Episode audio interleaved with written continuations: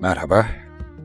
Evde kaldığımız şu günlerde ben de evden anlatıyorum sizlere. Nisan 2020. Kaptanın seyir defteri. Kayıtlara geçsin bakalım. Gündem salgın hastalık ama biz bir virüsün dünyadaki yaşamı nasıl değiştirdiğini de görüyoruz bugünlerde. Ölümleri ve sağlık konularını uzmanlar zaten yeterince konuşuyor. Ancak görüyoruz ki sosyal açıdan, ahlaki açıdan gayet abuk subuk şeyler de yaşanıyor dünyada. Üstelik böyle mahrumiyet zamanlarında bazı insanların gerçek yüzünü görmek daha da bir mümkün oluyor gibi geliyor bana. Yani ünlüler dünyasına ilk olarak baktığımızda çok gülüyorum ben. Şimdi buradan isim isim gitmeyeceğim elbette ve doğru yapmıyorum belki de bu konulardan bahsederek. Ama sizler de zaten görüyorsunuz bu aptal saptal şeyleri. Ya da benim başka şeylerden bahsetmemi istiyor olabilirsiniz. Yine de son zamanlarda ziyadesiyle e, ifrit olduğum için biraz içimi dökeyim diyorum. Şu e, hayat eve sığar sosyal mesajı. E, ilk başta kulağıma çok hoş geldi. Kaldı ki ben bu sözü ya da bu kavramı, bu düşünceyi kendimi bildim bileli zaten benimsemişimdir. Yani evde pek çok şey yapmaktan keyif alan, ev yaşamını seven biri olarak e, dışarıda çok şey aramayan bir yapım var. E, yıllardan beri insanların dışarıya çok meraklı olmasını, gezmeye, tozmaya aşırı meraklı olmasını farklı yorumlamışımdır. Tabii ki yine doz meselesi burada da e, devreye giriyor. Her şeyde olduğu gibi. Ölçülü olmak yine bu bahiste de geçerli. Dozu kaçırılan bir dışarı hayatının anlamlı olmadığını düşünüyorum. Oysa herkesin dışarı çıkmaya, gezmeye, tatil yapmaya, seyahat etmeye ihtiyacı var. Ve bu iyi bir şey, tamam. Ama kendini sadece dışarıda ve e, ne bileyim farklı mekanlarda, evin dışında bir yerlerde var edebilmek bence iyi bir şey değil. Herkes üretecek, herkes sanatçı olacak, herkes maharetli olacak evinde sürekli bir şeyler yaratmalı gibi bir düşüncem de yok. Zaten bu mümkün de değil. Ama ev yaşamını deneyimlemeyi merak etmeyen birçok insan dışarıdaki hayatı yaşama özgürlüğünü oburca kullandığında ileriki hayatında zorlanabilir gibi geliyor bana. Mesela bekarlığında sürekli gezen birinin evlendiği zaman ekonomik ve zaman açısından bu olanağı yoksa, kukumav kuşu gibi evin içinde eşiyle ne kadar geçinebilir bunu bilmiyorum. Ya da tam tersi. Sevgilisiyle, eşiyle, hatta ailesiyle sürekli gezen, seyahat eden insanlar birbirlerini ne kadar tanıyor? Evde vakit geçirmeyi evin içine tıkılıp kalmak diye niteleyen, dört duvar arasında olmak diye yakınan insanlar zaten ev hayatından zevk alamaz ki. Hele bir de o evde başka bireyler de varsa. Ak koyun kara koyun şu süreçte yaşadığımız karantina günlerinde yavaş yavaş ortaya çıkacaktır. Hatta çıkmıştır bile. Ekonomik zenginliğin evin içinde pek de işe yaramadığını da düşünüyorum. Şimdi istediğiniz kadar paranız olsun. İstediğiniz yere gidemezsiniz mesela. İstediğinizi yiyemezsiniz. Ve evin içindeki diğer insanları eğer paranızla memnun ediyorsanız, şimdi onu ya da onları nasıl memnun edeceksiniz? Hatta kendinizi nasıl memnun edeceksiniz? Eğer kuaföre giderek kendinizi hissediyor idiyseniz, şimdi onlar da kapanın. Kendinizi nasıl beğeneceksiniz? Arkadaşlarla orada burada buluşup dışarıda alem yapıyor idiyseniz şimdi nasıl kafa dağıtacaksınız? Şimdi bunları anlatırken Sait Faik'in bir dizesi aklıma geldi. Diyor ki, yazı yazmam için bana çiçek kuş hürriyeti değil, içimdeki aşkın, deliliğin, oturmaz düşüncenin hürriyeti lazım. Nitekim eski şairler, ozanlar, aşıklar, rapsotlar öyle sürekli gezerek, bir gün batımını izleyerek falan şiir yazmazlardı. Onlar nerede olurlarsa olsun, derin düşüncelere daldıklarında şiir kendiliğinden gelirdi. Bu yüzden evde kalınırken düşüncelerinizde hiç gitmediğiniz yerlere gidebilirsiniz. Yani bedeniniz evde kalabilir. Ama ruh daima gezgindir. Tabii siz ruhunuzu bu seyyahlığa alıştırdıysanız. Hadi işin keyfi kısmını geçtim. Hafta sonu iki günlük sokağa çıkma yasağı ilan edildiğinde gece saat 24 öncesi birçok market ve fırınların kapılarında oluşan o kuyruklara ne demeli peki? Evet böyle gündemden çok bahsetmem. Siz de alışık değilsiniz benim böyle aktüel konulardan konuşmama. Ama bütün dünyanın şu anda yaşadığı durum buyken kendi ülkemizde de bazı gerçekleri e, her gün yaşarken değinmemek elde değil. Yani kuyruk tabii olacak. İnsanlar ihtiyaçlarını karşılamak isteyecek. Ancak sosyal mesafe kuralına ne olacak?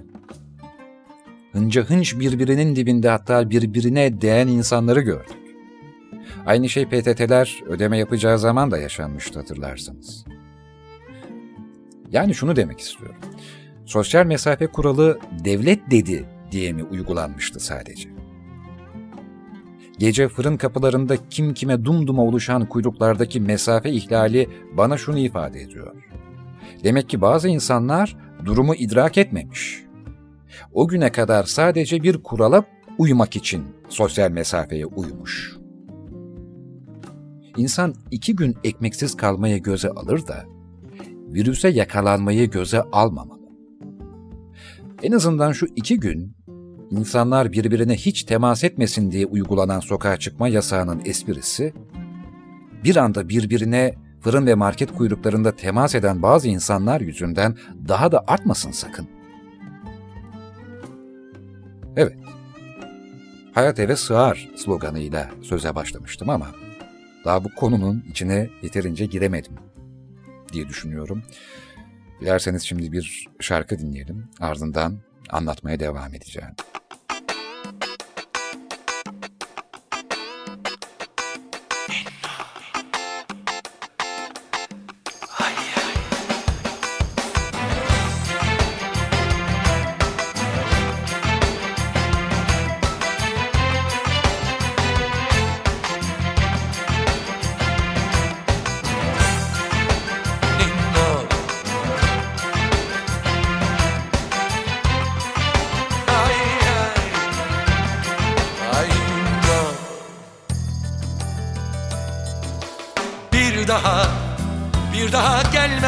Olsa dünyaya Düşünmeden düşerdim yine yollarına.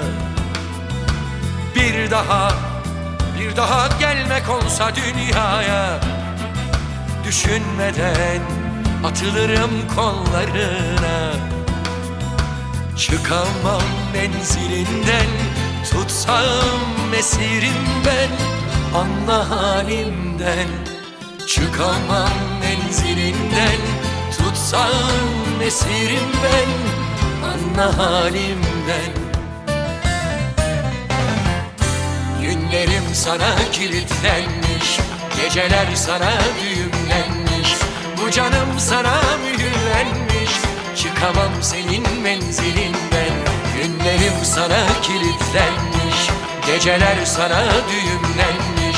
Ecelim sana mühürlenmiş Çıkamam senin menzilinden. Çıkamam menzilinden. Tutsam esirim ben Anla halimden Çıkamam menzilinden. Tutsam esirim ben Anla halimden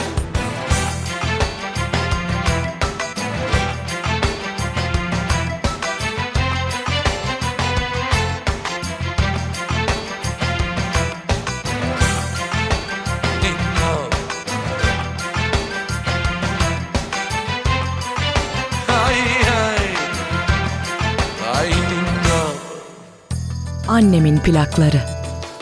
Bir daha, bir daha gelmek olsa dünyaya Düşünmeden Düşerdim yine yollarına Bir daha, bir daha gelmek olsa dünyaya Düşünmeden atılırım kollarına Çıkamam menzilinden Tutsam esirim ben Anla halimden.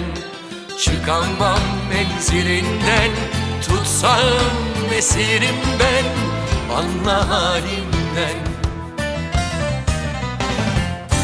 Günlerim sana kilitlenmiş Geceler sana düğümlenmiş. Bu canım sana mühürlenmiş Çıkamam senin menzilinden.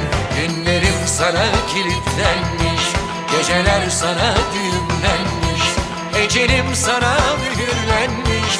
Çıkamam senin menzilinden Çıkamam menzilinden. Tutsam esirim ben Anla halimden Çıkamam menzilinden Tutsam esirim ben Anla halimden Bingo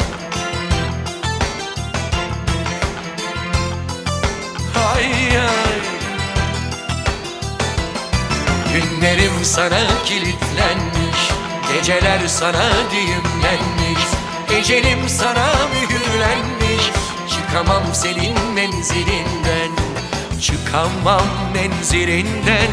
Tutsam esirim ben Anla halimden. Çıkamam menzilinden Tutsam esirim ben Anla halimden Anla halimden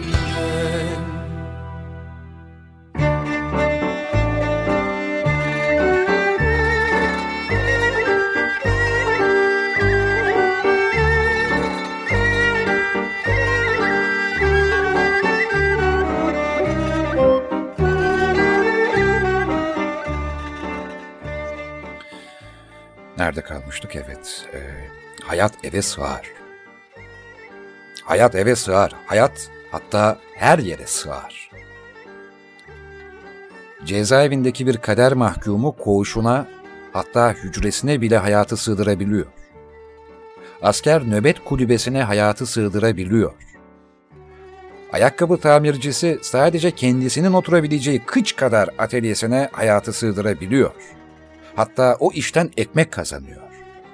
Yani kıç kadar yere hayatı sığdırabilen çok insan gördüm ben çocukluğumdan beri. Bilmiyorum hatırlıyor musunuz? Gözünüzün önüne geliyor mu? Çarşılarda böyle e, küçücük kulübe gibi tamirciler, satıcılar falan olur. Gazete bayileri, büfeler, hatta köfteci minibüsleri falan. Mesela bir de ben çocukken e, ayıp laf kullanmak için söylemiyorum. Gerçekten kıçının sığacağı kadar alanda çakmak gazı dolduran, altın gümüş ziyneti tamiri yapan, ayakkabı tamiri yapan, bilet satan daracık yapıları olan esnaf vardı. Evet vardı. Bakırköy'de. Muhtemelen de şu anda dinleyen Bakırköylüler varsa Tınaztepe Pazaşı'nın altını hatırlarlar ya da Kartaltepe İlköğretim Okulu'nun köşesindeki çakmak gazı dolduran o küçücük mekanı hatırlarlar. Ve o dar alanda kıçını sığdırmaya başarmış bir kişi olurdu. Bir kişi. Zanaatkar, usta ya da satıcı diye tanımlayabileceğim bu kişiler hayatı oraya sığdırabiliyordu. Evet. Şimdi söylendiği gibi hayat eve sığar. Zaten hayat eve sığar. Peki ama bunu yeni mi fark ettiniz? Hayat eve sığar söylemi şimdi dışarı çıkılamadığı için bir teselli mi yoksa sahiden samimi bir dille söylenmiş yuva sıcaklığının hatırlatılması için mi? Madem hayat eve sığıyordu, o zaman niye çoğu kişi hafta sonu bir kıçının üstüne oturamıyordu da illa daha hafta başından önündeki hafta sonunda acaba nereye gitsem, neye katılsam diye plan yapıyordu? Neden hafta sonu kahvaltıları dışarıda yapılıyordu? hınca hınç dolu o kahvaltı mekanlarında arabayı park etme sorunu yaşanıp, boş masa bulma sorunu yaşayıp, önüne gelen tabakta soğumuş sucuklu yumurtayla, neredeyse milletle kıç kıç oturup, herkesin gürültüsüne maruz kalıp, haldur huldur termosla servis edilen tadı kaçmış soğumuş çayla nasıl mutlu oluyordu insanlar? Pardon, buraya biraz da ekmek alabilir miyiz? Pa- pardon, ekmek alabilir miyiz diye garsona seslenip beklemek nasıl bir zevkti? Bu bir zevk miydi? Yoksa zevksizlik miydi? Şimdi buradan bütün mekanları gömüyorum gibi bir manada çıkmasın. Elbette iyi hizmet veren yerler de vardır, böyle bahçeli falan. Ama çoğu demin anlattığım gibi mekanlar değil mi? Bu mekanlar genelde denize yakın yerlerde olmuyor mu? Ama deniz görünmüyor değil mi? Yani deniz kenarına gidiyorum diye, yani denize yakın bir yere gidiyorum diye gidiyorsunuz ama arada cadde ve binalar var. Denizi göremiyorsunuz bile deniz kenarına kahvaltı yapmaya gittiğinizde. Bir mekan için söylüyorum. Piknikten falan bahsetmiyorum. Fakat o gidilen mekanın havalı bir adı var. Ve Instagram storylerinden paylaşıldığında yer bildirimi yapılabilecek bir markası var. Aman bu konu da yani sosyal medya zımbırtısı hakkında hepimiz ahkam kesiyoruz. Ben de o kafileye katılıyorum herhalde son zamanlarda kullandığım halde. Tabii bunun gibi daha çok sayabileceğim zevksizlik var ama asıl soru şu. Bazı şeyleri anlamamız için evde mi kalmamız gerekiyordu? Hayat eve sığar lafını evlerinin içindeki havuzdan ya da at koştur büyüklüğündeki bahçelerinden, arazilerinden söyleyen ünlü zevksizlere herkes laf ediyor. Tek göz odada yaşayanlar ne yapsın diye. Yoksul olanlar ne yapsın diye. Ama şöyle bir bakıyorum da onları yine yücelten ve takip edenler de o kişiler. Dizilerini takip eden onlar. Şarkılarını dinleyen onlar. Kitaplarını okuyanlar yine onlar. Bu saçmalık hakkında söylenecek çok şey var ama lüks hayatlarıyla paylaşım yaparak milletle dalga geçer gibi hayat eve sığar diyenleri buraya çıkaranlar, o havalı hayatı onlara sağlayanlar, o lüks hayata sahip olmayan kişiler değil. Hadi lüksü de geçtim. Zevksiz ünlüleri gündemde tutanlar, onların zevksiz takipçileri, hayranları, reyting vericileri değil mi?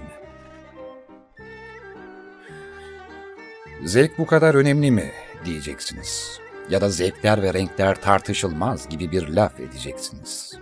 Ben de zevkin nasıl önemli olduğunu saatlerce anlatacağım. Konuyu vicdana kadar getireceğim. Ahlaka kadar getireceğim. Bu adam da amma konuştu olacak. Ama öyle. Eğer bu konuya derinlemesine girersem zevkten girerim. Ve zevkten girerim politikadan çıkarım. İnsanların seçimlerinin zevkleriyle ilgili olduğunu düşünürsek, tekrar söylüyorum insanların seçimlerinin zevkleriyle ilgili olduğunu düşünürsek ve kişilerin seçimleriyle toplum hayatının oluştuğunu değerlendirirsek, zevklerin ve hatta renklerin ne kadar tartışılısı bir şey olduğunu da anlarız. Daha düne kadar bir şey yazmamış, daha düne kadar hiçbir yerde anlatıcılık yapmamış insanların ilk kitaplarında rekor kırmaları, ilk podcast serilerinde ilk sıralara yerleşmelerine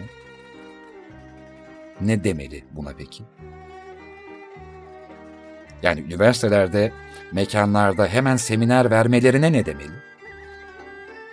Ama nedense bu toplumda yeni bir şey çıktığı zaman cılkını çıkarmak öyle kolay ki.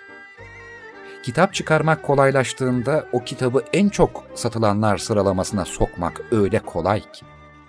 Saçma sapan bir şarkı çıktığında YouTube'da zilyon izlenme sayısına çıkarmak öyle kolay ki. Sayılar kolay. Fenomenlerin fenomen olmasına şaşırmıyorum. Çünkü asıl fenomenin fenomeni fenomen edenler olduğuna inanıyorum. En acısı da sosyal medya denen zımbırtı çıkana kadar fenomen kelimesini kullanmıyor oluşumuz. Daha da acısıysa hala bu kelimenin anlamından uzak kişilere bu adı takıyor oluşları. Bahçe duvarından açtım Bahçe duvarından açtım Sarmaşık güle dolaştım Sarmaşık güle dolaştım.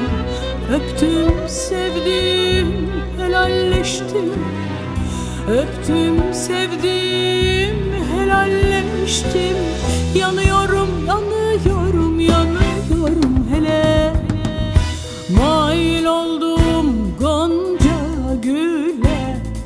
Acem şalı ince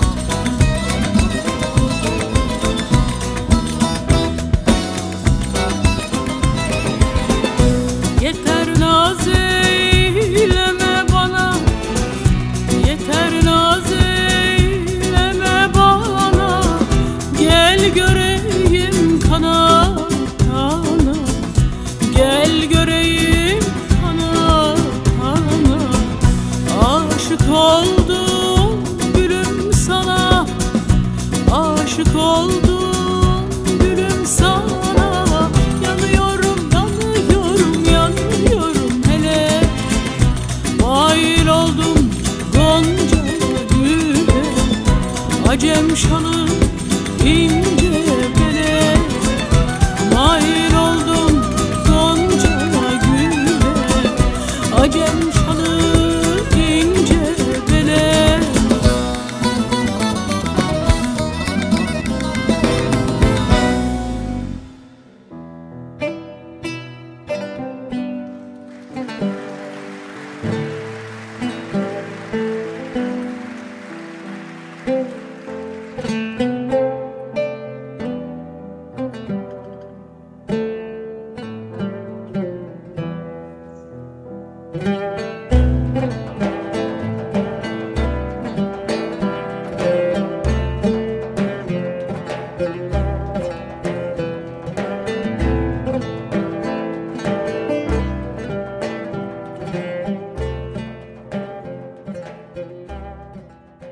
Herkesin başına her şey aynı şekilde geliyor.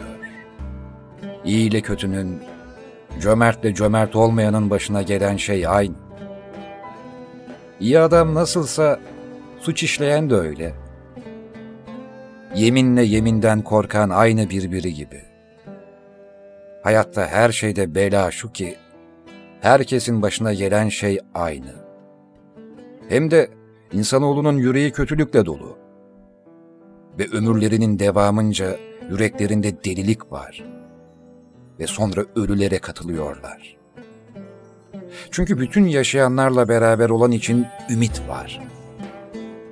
Çünkü sağ köpek ölü aslandan iyidir. Çünkü yaşayanlar biliyorlar ki ölecekler. Fakat ölüler bir şey bilmez. Ve artık onlar için bir ödül yok. Çünkü onların anılması unutulmuş. Bir İskoç atasözü der ki, yaşarken mutlu olmaya bak. Çünkü uzun süre ölü kalacaksın. Yaşamak için tek bir nedeni olan kişi, her türlü nasıla göğüs gerebilir. Ama korkan bir kişiye, başkasının korkusu kadar hiçbir şey cesaret veremez.''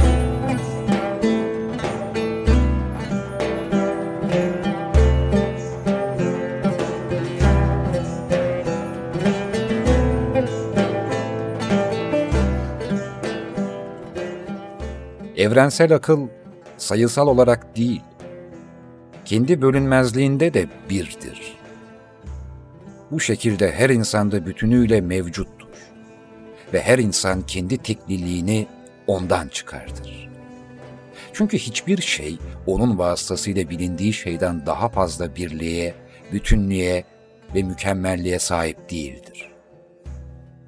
Bütün varlıklarda bulunan bir akla dair yanlış bir görüşe örnek şu felsefi fikirden sağlanabilir. Ferdi manevi bir varlık ölüm anında bedeni terk ederken hemen evrensel akla döner. Bu yüzden ölümden sonra ayrı bir hayatta kalma yoktur. Bununla birlikte bu hayatta aklın sonsuz ışığına egocu bir sınırlama bahşeden beden değil, nefstir. Nefs, bedenden ayrıldıktan sonra varlığını sürdürür. Hatta bu hayatta bütünüyle bedene doğru yöneltilmiş ve gerçekten bundan başka bir muhtevaya sahip değil göründüğü zaman bile. Nefs, ömrümüzce sorumlu olduğumuz tek şey. Karadut'un lekesini sadece kendi yaprağı çıkarırmış. Eskiler, insan da aynı bu ağaç gibidir derler. Yarasına ilacı başka yerde arayan yanılırmış. Her yaranın merhemi kendi dalındaymış.''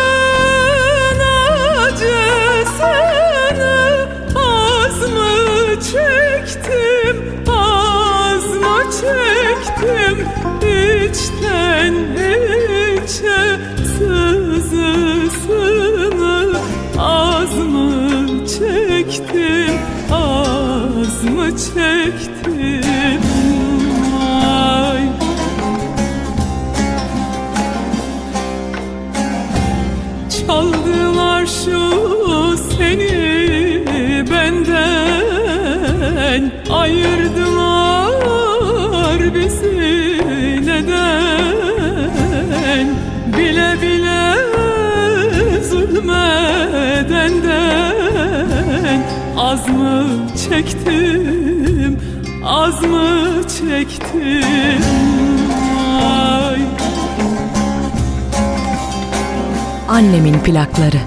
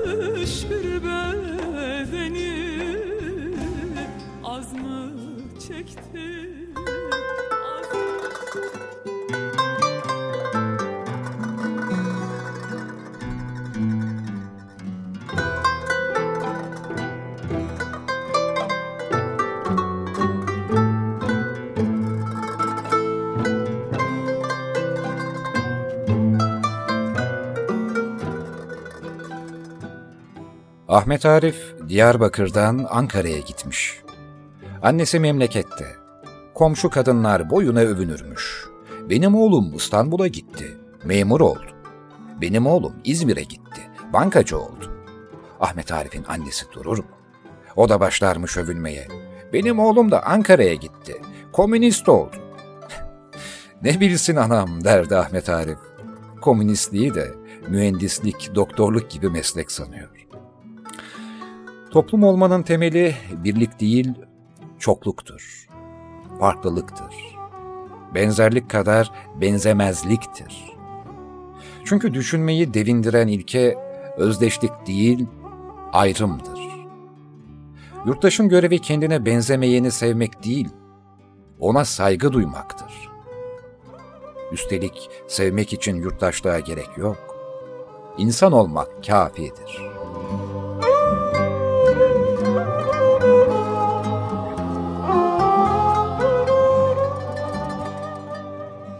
Kemal Tahir, Karılar Koğuşu'nda Ahmet Haşim'i şu şiiriyle anıyordu.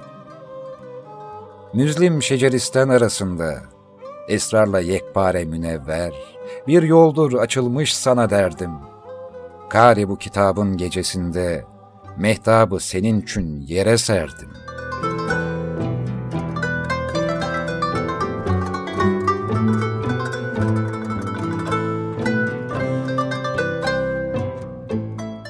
Köyümüzde yaşlı bir bekçi vardı gece devriyesinde.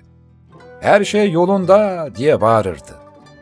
Ve huzur içinde uyurduk. Sonra bir hırsızlık oldu. Ve biz öğrendik ki o geceleri göremiyormuş. Sadece her şey yolunda diye bağırıyormuş. Ve biz kendimizi güvende hissediyorduk. O gün anladım ki bu kalp kolayca korkabiliyor. Onu kandırman gerekiyor. Ancak büyük bir sorun varsa kalbine her şey yolunda dostum dersin. Bu sorunu çözer mi? Çözer mi? Hayır. Ama seni sorunla yüzleşmek için cesaretlendirebilir. Mükemmeli yakalamaya uğraş. O zaman başarı zaten seni kovalar. İşler kötüye gittiğinde endişeden korkuya kapılan kalbinizi yatıştırmak için söylediğiniz beyaz yalancık, ağlayan küçük bir çocuğu sakinleştirmek için güzel şeyler mırıldanmak gibi. Her şey yolunda küçük kalbim. Korkma. Çünkü kalbiniz çok hassastır ve sözlerinize çabuk kanar. Mutluluk denen şeyi abartmaktan vazgeçtim. Sonuçta insan kalbi küçücük ve içine pek az şey sığıyor.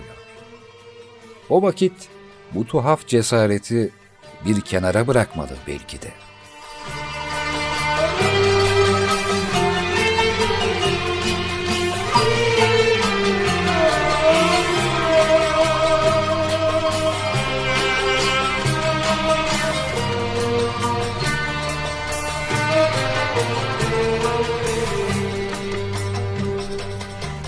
Kaderimde hep güzeli aradım Kaderimde hep güzeli aradım İçimdeki saflar başka söz başka İçimdeki sazlar başka Söz başka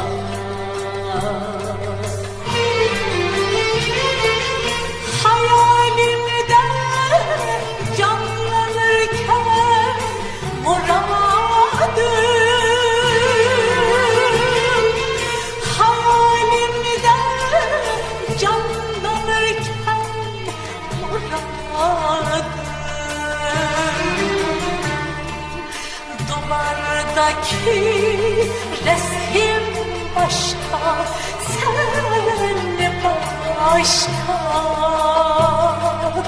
Duvardaki resim başka sen başka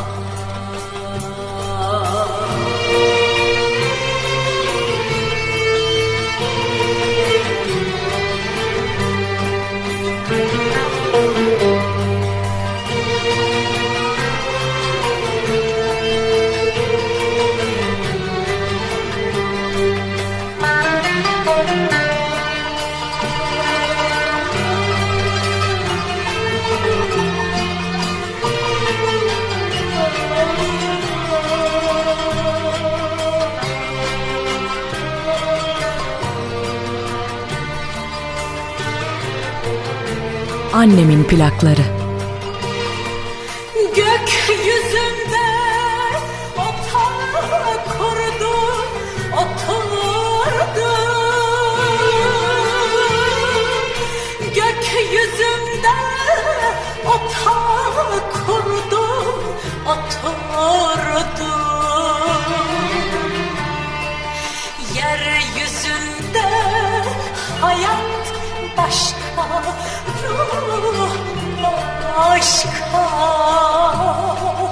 Yeryüzünde hayat başka, ruh başka.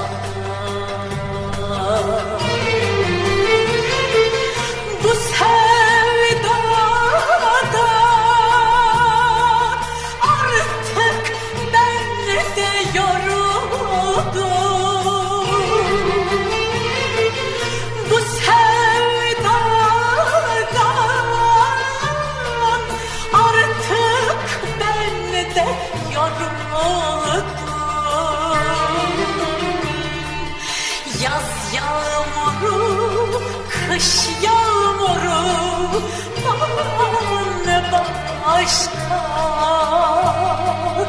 Yaz yağmuru, kış yağmuru bana başka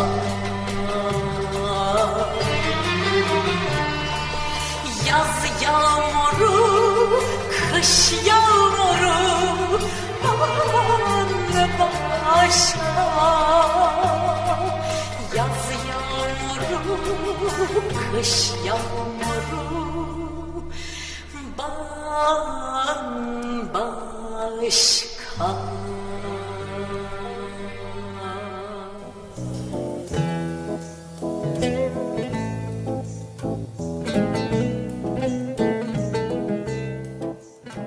Ne kadar az bilirsen o kadar iyi uyursun der Gorki. İzahını Sartre yapar. Uyursan gece biter, uyuyamazsan sen. Son noktayı Freud koyar. Çok uyumak kaçmaktır. Uyuyamamaksa yakalanmak. Bir şeyi yapmayı düşünmek, onu yapmaktan daha yorucudur. Kafanın arayan bir kapı olması gerekir. Hataları, insanlık hatalarını arayan bir kafa. Başarısızlıkları arayan bir kafa. İnsan kafası, insanlık hatalarını aradığı zaman gerçekten bir insan kafasıdır. İnsan kafası, insanlık hatalarını aramaya koyulmadığı takdirde insan kafası olmaz. İyi bir kafa, insanlık hatalarını arayan kafadır ve olağanüstü bir kafa, bu insanlık hatalarını bulan kafadır ve dahiyane bir kafa da bulduğu bu hataları, onları bulduktan sonra gösteren ve elindeki tüm olanaklarla bu hataları işaret eden kafadır. Bu anlamda da kafasızca söylenmiş olan arayan bulur deyiminin doğruluğu ortaya çıkar.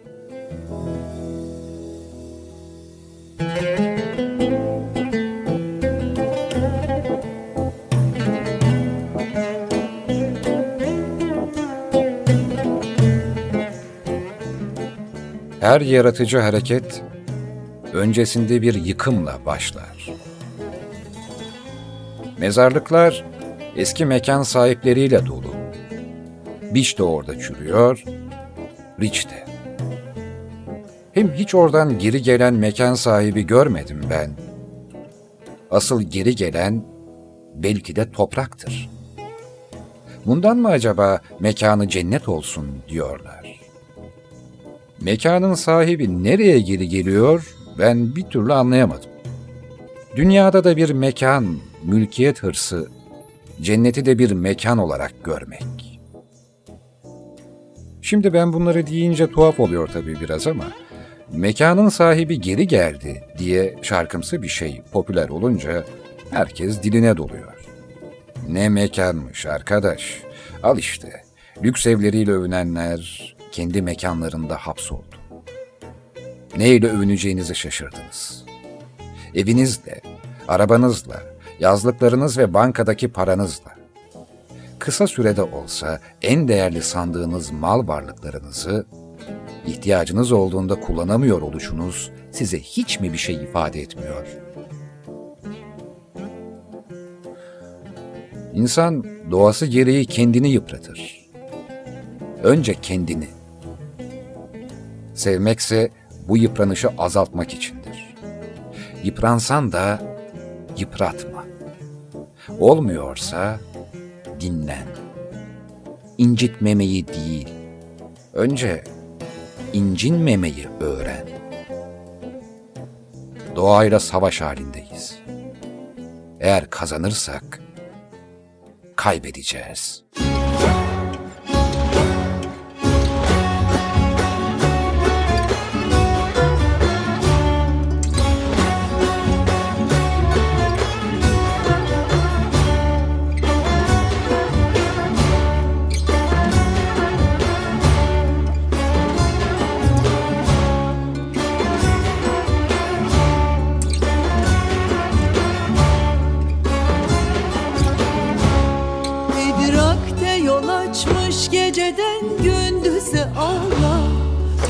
Güldürmezsen öz gönlünü gülmez yüze Allah Dünyaya şafaklar gibi tanrım sepelenmiş.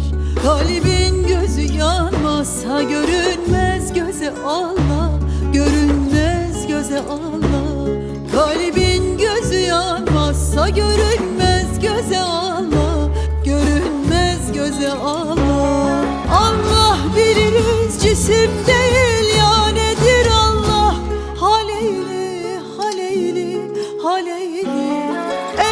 yüksek hak daha hakikattedir Allah Haleyli haleyli haleyli Dondunsa tekamül ve güzellikler önünde. Bu hayrettedir Allah Bu hikmettedir Allah Liyagattedir Allah Hakikattedir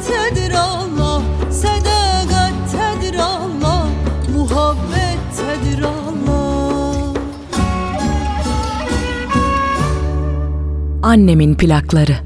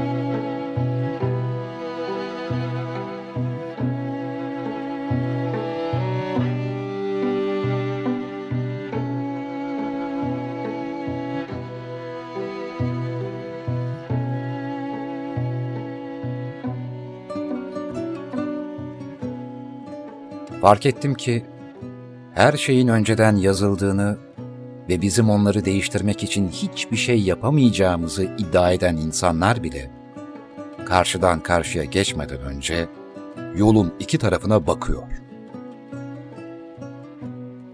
Çelişki seni öldürür. Çelişki işkencedir. Çelişki buz tutmuş bir göldür. Çelişki buz tutmuş gölün çatladığı andır. Çelişki göldeki çatlağa saplanıp donmaya başlamandır. Çelişki yardım istemek için açtığın ağzına dolan sudur. Bazı öğretmenlerin işi, öğrencilerin arka sıralarda sessizce oturup sorun yaratmayacağından emin olmaktan ibaret değil. İçlerindeki cevheri de ortaya çıkarmanız lazım. Genç yaşlarda olgunlaşmamışlık ortaya çıkar. Cahillik eğitilebilir. Sarhoşluk ayıltılabilir. Ama aptallık ve vicdansızlık sonsuza dek sürer. Cehalet öğrenmez, inanır. Herkes öğrencilerin travma yaşadığını sanıyor. Ama asıl travmayı yaşayan öğretmenler. Bir aslan bile kırbaç korkusuyla sandalyeye oturmayı öğreniyor. Ama biz bu aslana iyi eğitilmiş diyoruz. İyi eğitim almış demiyoruz. Michael Jackson'ın babası onu boksör olmaya, Muhammed Ali'ninki de şarkıcı olmaya zorlasaydı ne olurdu? Felaket olurdu. Anlatabiliyor muyum? Anne babanızdan korkunuza istediğiniz mesleği seçemiyorum demeyin. Gidin anne ve babanıza karşı ben şu mesleği istiyorum deyin, korkmayın. Arkadaşınız başarısız oluyor, üzülüyorsunuz. Arkadaşınız birinci oluyor, daha çok üzülüyorsunuz. Bir zamanlar tanıdığım biri başarısızlıktan ya da daha kötüsü başarmaktan korkup hayallerimizden uzaklaştığımızı yazmıştı. Kendinle daha fazla vakit harcamalı ve diğer insanları etkilemek için daha az vakit harcamalısın. Bir bardak suya değil, sürahiye ihtiyacımız var.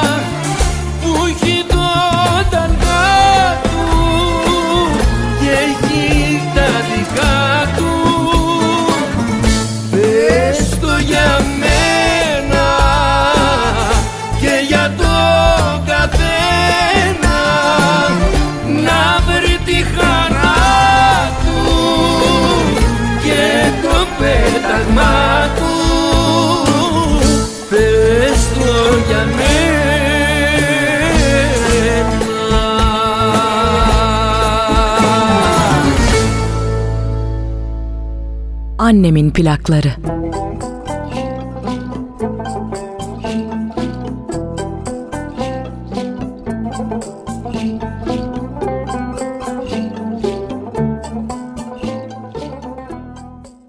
Hani naif insan, naif insan diyoruz ya. Bence önümüze geleni birazcık gülümseyene, birazcık cömert davranana, birazcık jest yapana, birazcık şirin gözüken herkese hemen bir naif insan e, tanımlamasını konduru veriyoruz. Ama çok kolay yapıyoruz artık bazı sıfatlandırmalar, adlandırmalar. E, Herkes naif zaten. Ama ben size gerçekten naif bir insanın bir anısını anlatayım isterseniz. Ee, tabii kimse vazgeçmesin naif dediğine naif demekten bana ne de e, içini boşalta boşalta kavramların e, bu kelimelerin bu sözcüklerin de anlamı yitip gidebilir diye ne- nedense böyle biraz endişe içindeyim. Ee, Özdemir Asaf e, şiirlerinde babasının Asaf ismini kullanıyor biliyorsunuz. Oysa asıl ismi Halit Özdemir Arun'dur. Telaffuzda R harfini söyleyemiyor Özdemir Asaf. Bir gün taksiye biniyor. Tesadüf bu ya taksici de söyleyemiyor R harflerini. Buyu neye diyor taksici. Özdemir Asaf da Kağköy derse taksicinin kendisiyle alay ettiğini sanacağı için Eminönü diyor. Karaköy'de inmesi gereken Özdemir Asaf, Eminönü'nde iniyor ve Karaköy'e yürüyor. İşte size naif insan. Bu duyarlılık, bu düşünceli hal, bu nezaket herkese nasip olmuyor. Herkes de olmuyor diye düşünüyorum. Ama e, ne olması gerektiğini bilmeden hemen bir adlandırma gereksinimi duyup naif dediğimizde nedense bir başında taçmış gibi e, yücelti veriyoruz bir anda bazı insanlar.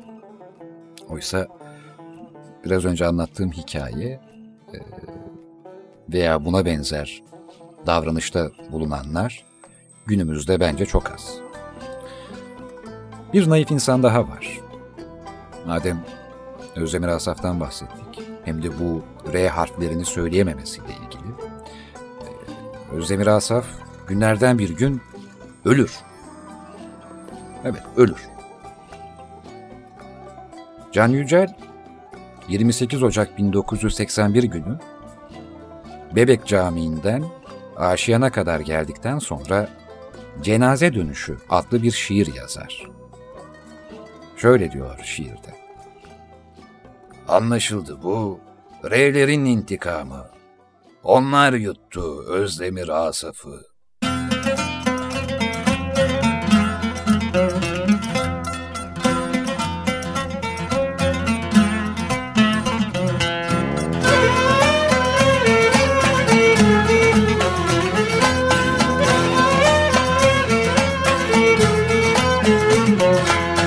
Haber uçtu devlete de beş yıl yattım hapiste.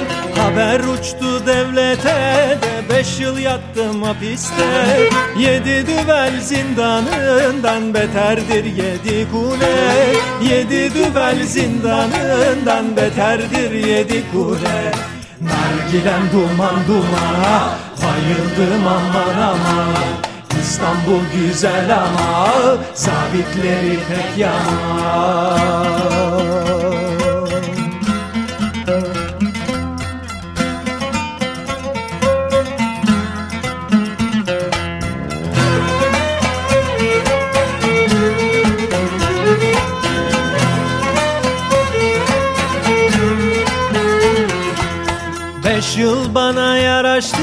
da nargilem buna şaştı. Beş yıl bana yaraştı. Da nargilem buna şaştı. Her gün çizdim usturamla bağlamam doldu taştı. Her gün çizdim usturamla bağlamam doldu taştı. Sarma cigaram yanar çekerim arar Tekkimiz güzel ama haber uçuranlar var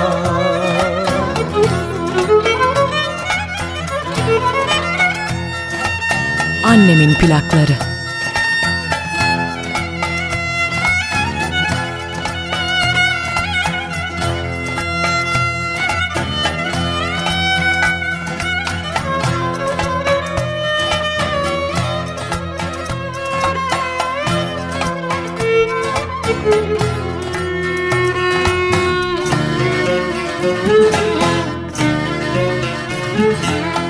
Nargilemin marpucu da gümüştendir gümüşten. Nargilemin marpucu da gümüştendir gümüşten. Beş değil on beş yıl olsa ben vazgeçmem bu işten. Beş değil on beş yıl olsa ben vazgeçmem bu işten. Nargilem duman dumana bayıldım aman aman İstanbul güzel ama zabitleri pek yaman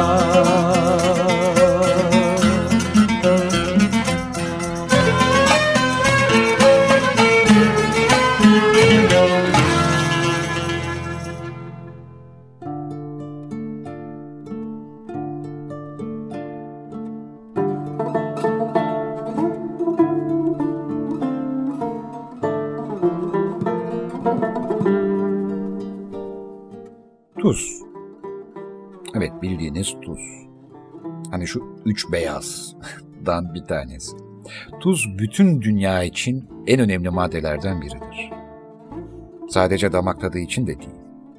Dünyada bir tuz kültürü olduğunun ne kadar farkındayız? Özlem Direkçi'nin güzel bir araştırması var. Ben de dilim döndüğünce derlemeye çalıştım bu konudan bahsedecekken. Türk geleneğinde e, kutsal sayılan bir madde olduğunu biliyoruz tuzun. Hatta tuzu bulan kişinin İbrahim peygamber olduğu dahi söylenmektedir. Peki Homer tarafından kutsal madde olarak adlandırılıyor olmasına ne demeli? Tarih boyunca tuz birçok millet için önemli olmuştur. Hatta bu sebeple beyaz altın bile denmiştir. Tuza sahip olmak bazı dönemler bir zenginlik göstergesi olmuş değişim aracı olarak kullanılmıştır. Bu tarihleri günümüzden çok uzak zamanlar olarak düşünmeye gerek yok aslında. Nitekim Etiyopya 20. yüzyıla kadar para birimi olarak amole adı verilen yaklaşık yarım kilo ağırlığındaki tuz çubuklarını kullanmış. 1450'de Mali'de tuz aynı ağırlıktaki altınla eş değerdi. Günümüzde tuz halen Sudan bölgesi ve güneydeki ormanlarda yaşayan yerliler tarafından para yerine kullanılmakta. Bugün İngilizce maaş anlamındaki salary kelimesi Latince tuz demek olan salarium kelimesinden gelmekte. Roma İmparatorluğu'nun askerlerine maaşlarını tuz olarak ödediği bir dönem olmuş. Osmanlı İmparatorluğu tuzcuları bazı vergilerden muaf tutmuştur. Tarihteki yerinin büyüklüğünü az çok anlamış olmalıyız. Peki tuz neden bu kadar önem görmekte? İnsan vücudunun da bir parçası olan tuz, insanın yaşamını idame ettirmesi için yeterli midir? İnsan tuzlu su içerek yaşayabilir mi? Maalesef hayır. Fakat fark ettiği, aldığı ilk tat, kendi gözyaşının tadı olduğu için bir bağlılık söz konusu olabilir mi? Şükrü Erçin tuz üzerine bir makalesinde tuz ekmek hakkı kavramından şöyle bahsediyordu. Türklerin tarihine, edebiyatına ve folklorüne giren tuz ekmek hakkı, dostluk, vefa, arkadaşlık, sadakat, insanlık, samimiyet, mertlik, dürüstlük gibi kavramları içine alan zengin bir klişedir. Halk hikayelerimizde, şiirlerimizde en çok kullanılan tuz ifadelerinden birisidir. Dilimizde tuzla ilgili yüzden fazla deyim var.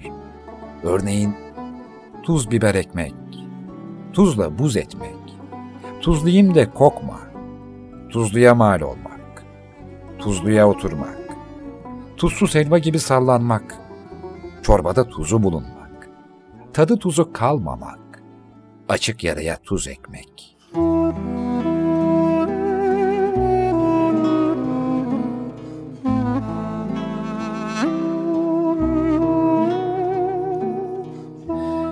Kavram bu kadar yerleşik, madde bu kadar önemli olunca bizim ince ruhlu şair ve yazarlarımız da divitlerine tuz serpmişler.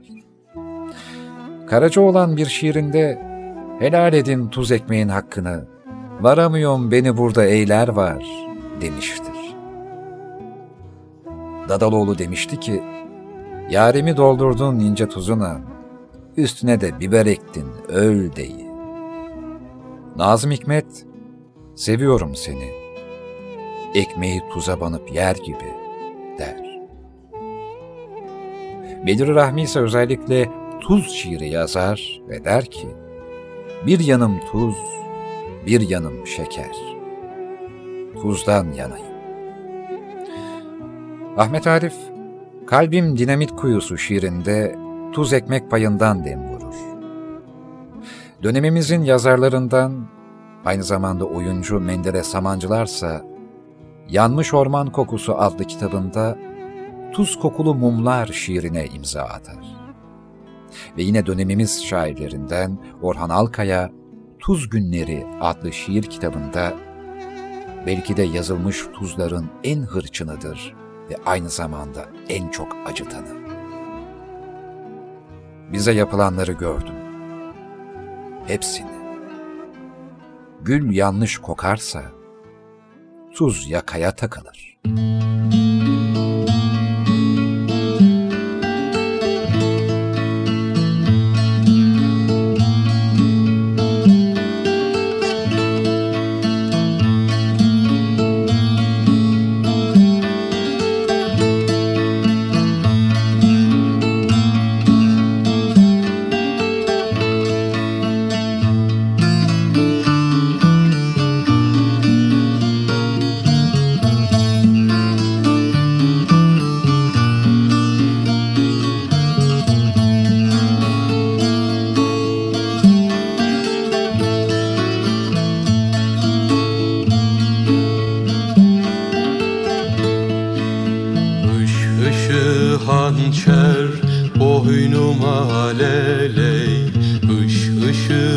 Hançer boynuma leley Küpeli kızlar yanıma. Küpeli kızlar yanıma. Ben halayın başıyam leley. Ben halayın başıyam leley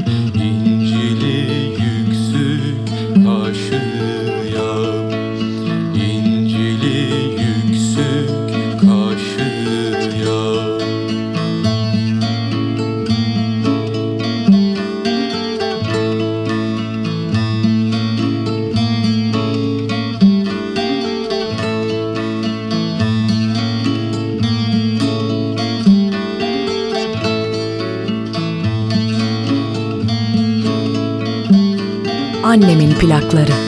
Çekin halay dizisinle ley. Çekin halay dizisinle ley. Mahmur gözleri süzülsün. Mahmur gözleri süzülsün. Ben halayım başıyam lele. Ben halayın başıyam leley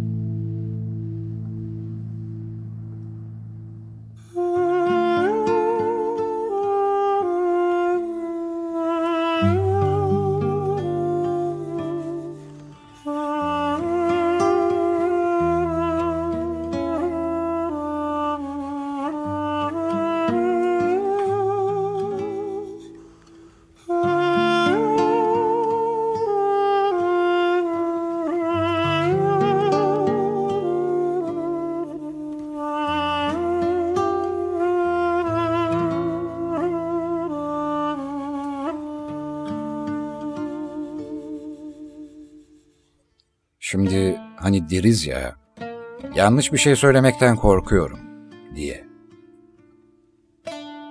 Bazen daha zorlayıcı olan doğru söylemek değil mi? Ya doğruyu söylersem diye korkuyorum. Ya yanlış bir şey söylersem diye korktuklarım daha az. Bahsettiğim şey, dürüst olmak bana hep kaybettirdi abi gibi klişe bir şey değil. Zaten o söz de bana biraz saçma gelmiştir. Ne kaybettiysem dürüstlüğüm yüzünden, başıma ne geldiyse dürüst kişiliğimden oldu lafını anlıyorum. Ama bu söylemlerin sadeliği bana yetmiyor. Yetmiyor. Bir kere bir, insan bir şey kazanmak için mi dürüst davranır? Ki kaybetmekten yakınsın. İki, dürüstlüğü kaybetmeye tercih etmez misiniz? 3. Peki ya dürüstlüğünüzü kaybederseniz? 4. Dürüstlük sandığımız kadar iyi bir şey mi? evet bu son madde tuhaf gelmiştir kesin size. Öyle birini düşünün ki sürekli dürüst. Sizi kızdıracak şeyleri bile anında söylüyor. Yahu tamam, öyle olmuş olabilir. Ama neden her şeyi söylüyorsun? Bazı kişiler dürüstlüğü öyle şiar edilmişlerdir ki, doğruyu hep önce ondan öğrenmenizi isterler. Gerçek, elbet gelip sizi bulacaktır aslında. Zamanın kendiliğindenliği ve oluruna bırakmak dediğimiz bir şey var. Ama yok. O dürüstler ki sırf dürüst olmak uğruna gelip birini size gammazlamaya bile yeltenebilirler. Peki kendinize soruyor musunuz?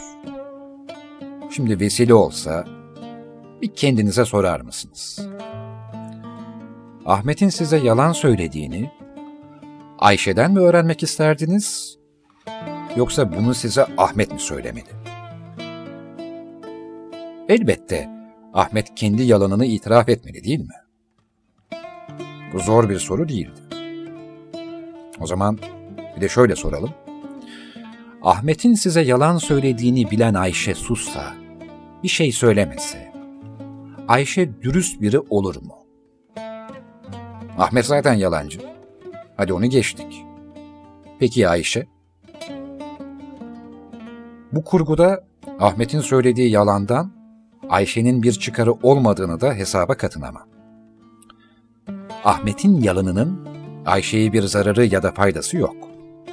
Bu yalan direkt seninle Ahmet'in arasında bir etkileşim arz ediyor. Dolayısıyla Ayşe, Ahmet'in yalanına ortak olmuyor. Sadece onun yalan söylediğini biliyor. Ama doğruyu size söylemenin de doğru bir şey olacağını düşünmüyor. Yani doğruyu bilmekle onu söylemek arasında önemli bir nüans yok mu? Yok mu? Bu ilkokul kitaplarındaki metinlere benzeyen Ahmet Ayşe kurgusunun biraz basit olduğunun farkındayım sevgili anlayıcılar. Konunun derinine henüz inilemedi. Ama girizgah için yerinde bir sadelik olduğunu düşünüyorum. Bu konu e, bu konu hakkında anlatacaklarım programın bir bölümünün sadece bir kısmında işte 7-8 dakikalık e, bir anlatıyla yeterli olmayacaktır. Muhtemelen ileride başka bölümlerde de bu konunun yörüngesinde yine dolaşacağımdır. Ama madem en sade haliyle bir temas ettim, e, özüne şöyle bir değmeden de geçmeyelim.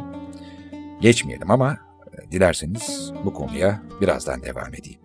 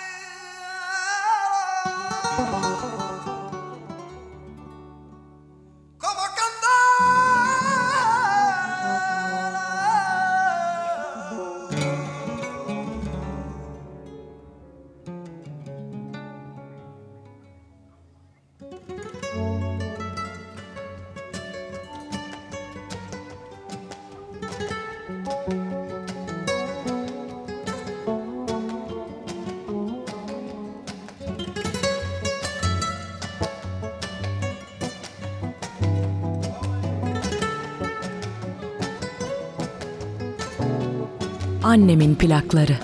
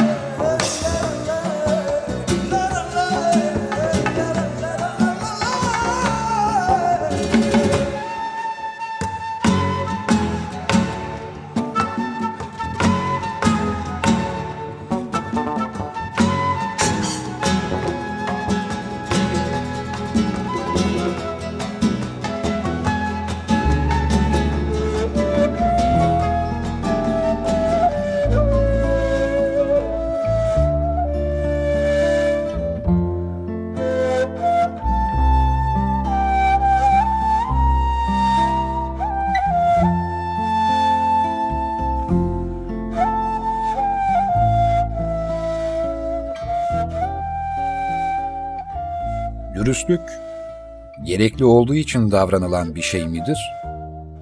Yoksa içinden başka türlü davranması mümkün olmadığı için mi? Ben hiç yalan söylemem. İstesem de dürüstlükten uzak davranamam diyen biri sence ne kadar dürüst bir şey söylemiş olur? Kendini zorlayarak dürüst davranan birisi kendine karşı dürüst davranmış olur mu? Bazen birini korumak için dürüst davranmanın yanlış olacağının farkında mıyız?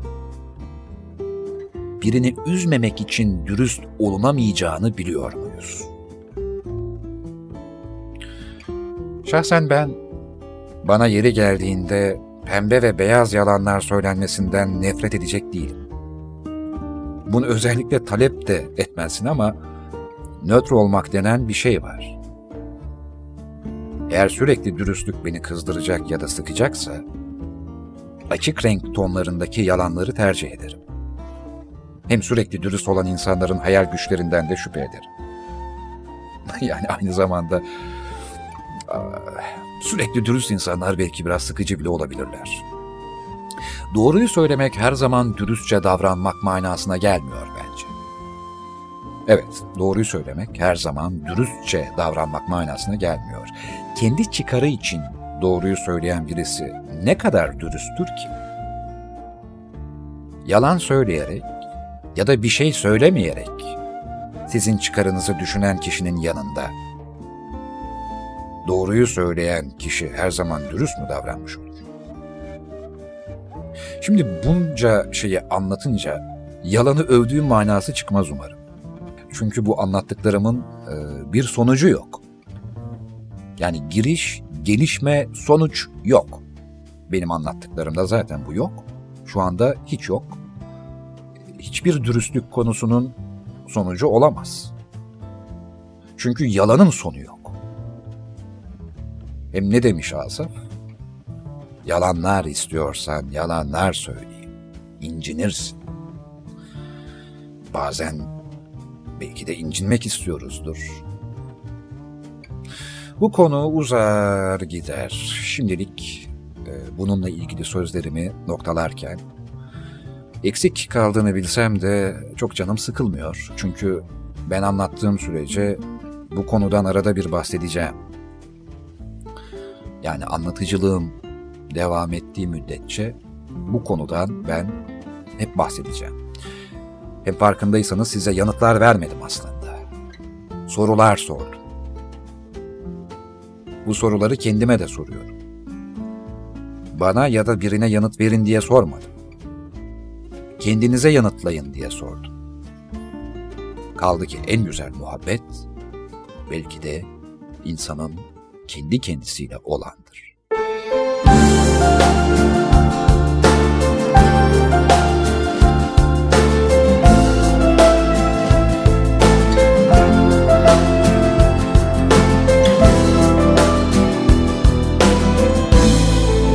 Annemin plakları. Bir düş gördüm düşümde Gözlerin yerlerdeydi. Ellerin ceplerinde Kalbin ötelerdeydi. Seni bugün görmem lazım Şöyle biraz açılmam lazım. Derdimi anlatmam gerek İçimi dökmem lazım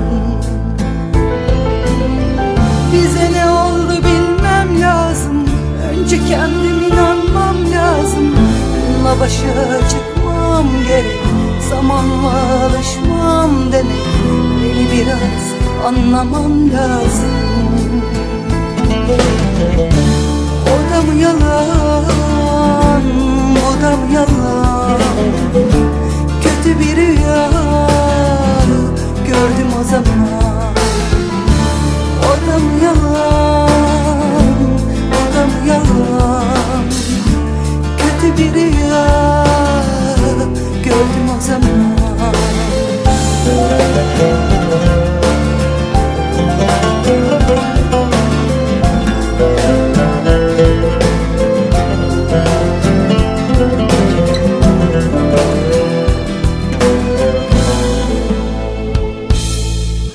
Silah zoruyla mı sevdin Kalbine zorla mı girdin Mümkün olabilseydi Anlatabilirdim. Seni bugün görmem lazım Şöyle biraz açılmam lazım. Derdimi anlatmam gerek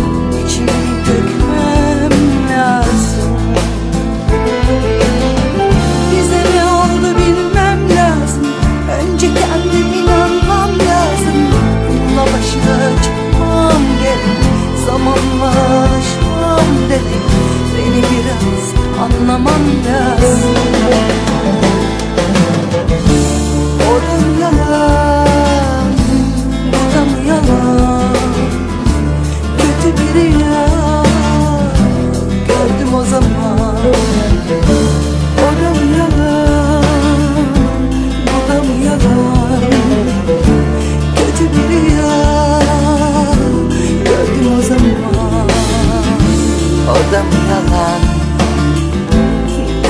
Yalan Kötü bir rüya.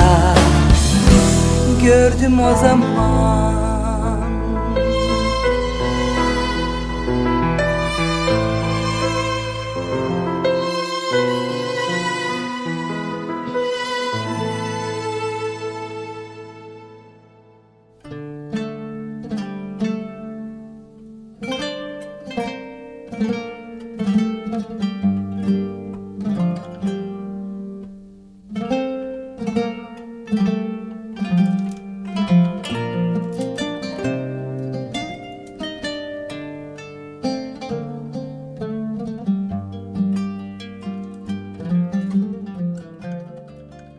Eğer parmaklarımı ışıklatmamla otistikliğim yok olsaydı, bunu yapmazdım.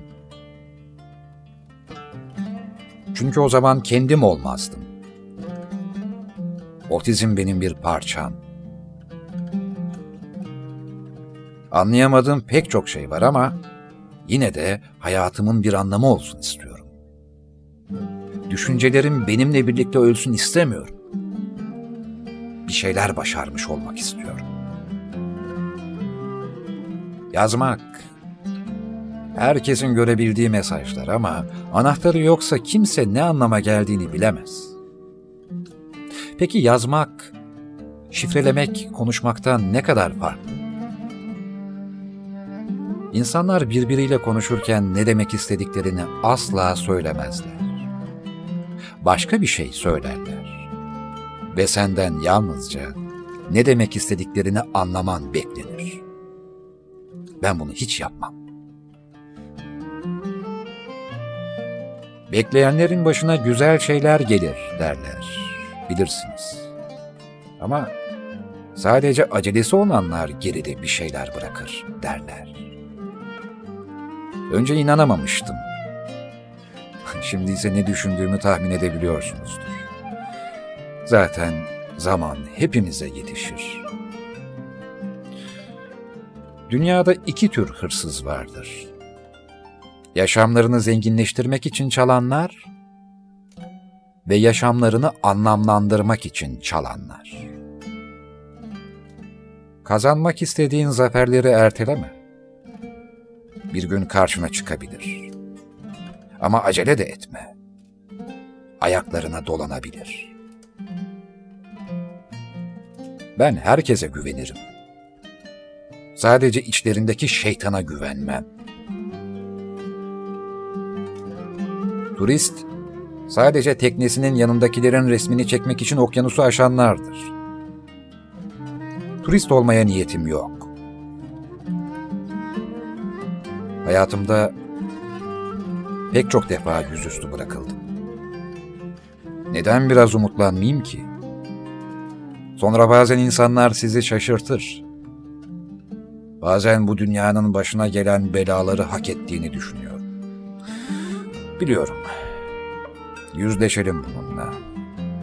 Kimse masum değil. İstediğini elde etmek için herkes birbirini kullanıyor. Bana olanlardan dolayı ne kadar üzgün olduklarını söyleyen insanlardan bıktım. Artık duymak istemiyorum. Ne istiyorsun? Aşk mı? Bir amaç değil mi? Amaç mı? Amacın yok mu? Üzerinde çalışıyorsun değil mi? Aşk neden amaç olmasın? Ya da neden olamasın? Hip bir saçmalığı bu. Nefret etmek aşktan daha kolay değil mi? Evet bir şeyi mahvetmek daha kolay. Aşka taviz veren zaman aynı tavizi ölüm için veremedi. Neden herkes istediğini alırken sana hiçbir şey düşmüyor? Sürekli güçlü olmaya çalışmaktan yoruldum. Ama kim olmuş olabileceğin için asla geç değildir.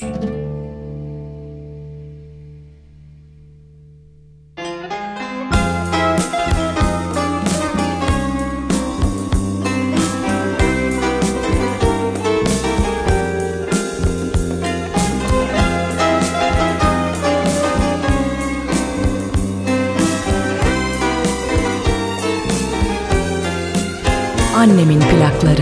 Gülmek için yaratılmış. Gözlerde yaşlar niye? Gülmek için yaratılmış. Gözlerde yaşlar niye? Sevmek için yaratılmış Kalpler hep bomboş niye Sevmek için yaratılmış. Kalpler hep bomboş niye Sevmesini bilmiyorsan Bakma sakın gözlerime. Sevmesini bilmiyorsan Bakma sakın gözlerime. Mutlu olmak istiyorsan inan inan sözlerime. Mutlu olmak istiyorsan inan inan sözlerime. Yok yok yalan deme Sevgi denen o gerçeğe. Yok yok yok yalan deme. Sevgi denen o gerçeğe. Sevmek acı, gerçek acı. Benzer birbirine. Sevmek acı, gerçek acı Benzer birbirine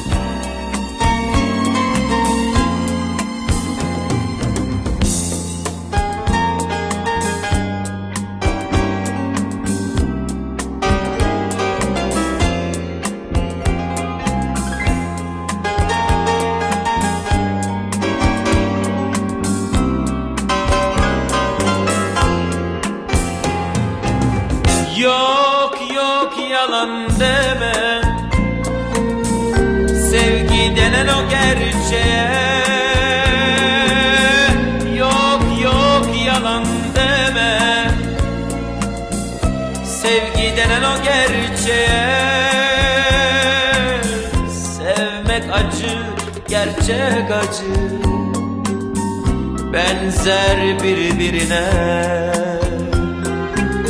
Sevmek acı, gerçek acı. Benzer birbirine